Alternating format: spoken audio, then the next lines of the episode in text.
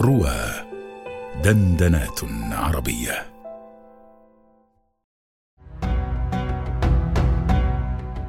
آيات وأبيات مع الأستاذ أبي قيس محمد رشيد على رواه.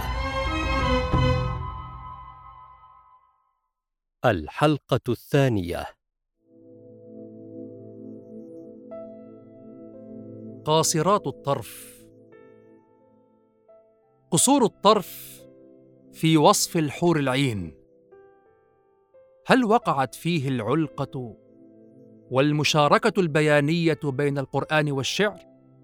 قبل الخوض في هذا التفصيل لا بد اولا من شرح شيء يبنى عليه هذا التوضيح وهو أن بعض الشعراء العرب من الجاهليين القدماء يبلغ تأثيرهم الشديد في الشعر وفي العربية وفي ثقافة العرب أن تصير بعض أشعارهم جزءا من ثقافة العرب ولسانهم وكان ذلك قبل نزول القرآن.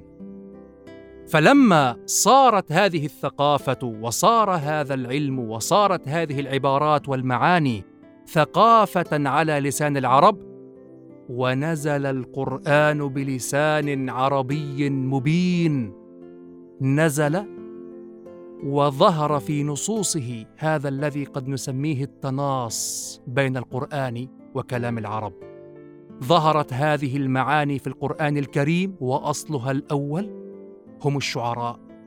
والواسطة بين القرآن والشعراء الثقافة العربية واستعمال العرب لها دهرا طويلا. على رأس هؤلاء الشعراء المؤثرين في العربية حتى نزل القرآن بثقافة العربية التي أثروا فيها.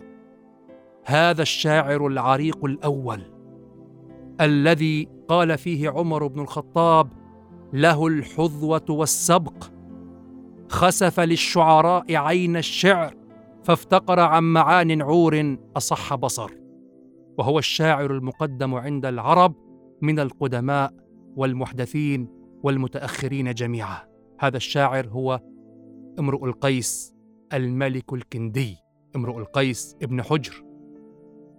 تعال الآن إلى صورة بديعة عجيبة في هذه المسألة. يقول امرؤ القيس لما اغترب وذهب إلى أرض الشام وكانت أرض القيصر وأراد أن يتجاوزها إلى آه، أرض الروم التي هي تركيا الآن إذ مات في أنقرة ولك أن تقول أنقرة. قال في هذه الرحلة الشامية قصيدته التي أولها سما لك شوق بعدما كان أقصرا. قال فيها يتوجع من الغربة نشيم بروق المزن أين مصابه؟ ولا شيء يشفي منك يا ابنة عفزرا. من القاصرات الطرف لو دب محول من الذر فوق الإتب منها لأثرا.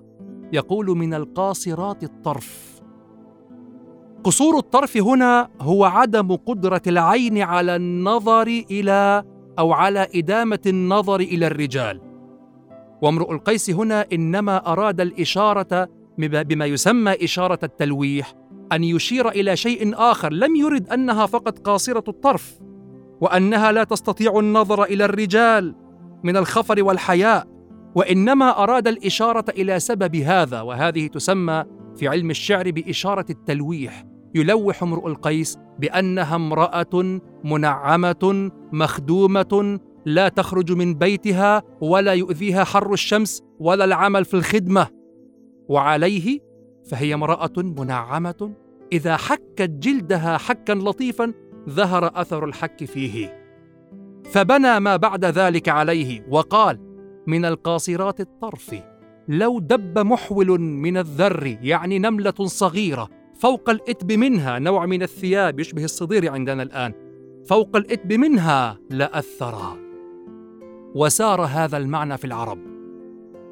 وصاروا يستعملون هذه الدلالة دلالة قصور النظر على الرفاهة والنعمة والصون وعدم الخدمة وعلى وعلى حيائها وقصور طرفها على زوجها فنزل بذلك القرآن. قال تعالى في سورة الرحمن فيهن قاصرات الطرف لم يطمثهن إنس قبلهم ولا جان.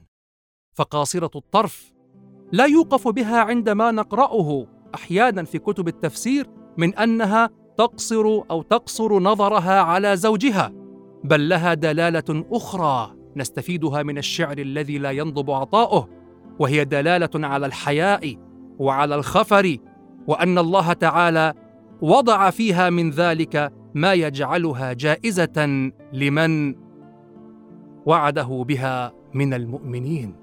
وهكذا نزل القرآن بلسان عربي مبين.